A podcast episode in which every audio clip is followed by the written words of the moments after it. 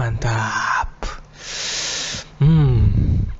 Oke, kita mulai podcastnya bersama gue Lembu Tambun hanya di Jurnal Lembu. Ya. Film yang saya saranin untuk ditonton, tapi ini agak yang sebelah kanan itu terlalu dewasa ya. Ya.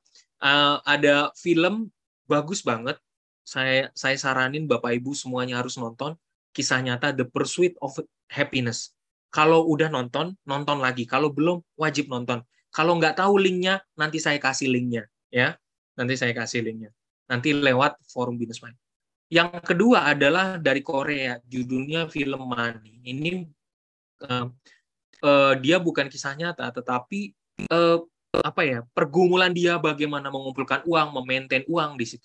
Nah, yang terakhir adalah filmnya judul The Wolf of Wall Street. Penulisnya mengalami masa kehidupannya di dalam film ini, maka dia menulis buku The Wolf of Wall Street, gitu. Pergumulan dia. Agak agak 17 tahun ke atas ya Bapak Ibu ini ya film.